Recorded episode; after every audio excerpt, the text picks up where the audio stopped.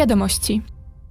1 stycznia Belgia po raz 13 przejęła prezydencję w Radzie Unii Europejskiej. Podczas sześciu miesięcy przewodzenia Unii Belgia będzie dążyć do lepszej ochrony obywateli w Unii i silniejszej współpracy. Skupi się na sześciu obszarach tematycznych, w tym obronie i praworządności, ekologicznej i sprawiedliwej transformacji, wzmocnieniu agendy społecznej i zdrowotnej oraz ochronie ludzi i granic czwartek premier rządu Flandrii oraz flamandzki minister spraw Brukseli, młodzieży, mediów i walki z ubóstwem spotkają się z członkami Komisji Edukacji i Kultury Parlamentu Europejskiego.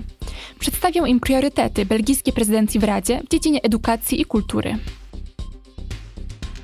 Również w czwartek europosłowie z Komisji Gospodarczej i Monetarnej spotkają się z wiceprzewodniczącym wykonawczym Komisji Europejskiej do spraw gospodarki służącej ludziom, Waldisem Dombrovskisem oraz komisarzem do spraw gospodarki Paolem Gentilonim. Tematem dyskusji będą aspekty fiskalne jesiennego pakietu europejskiego semestru 2024.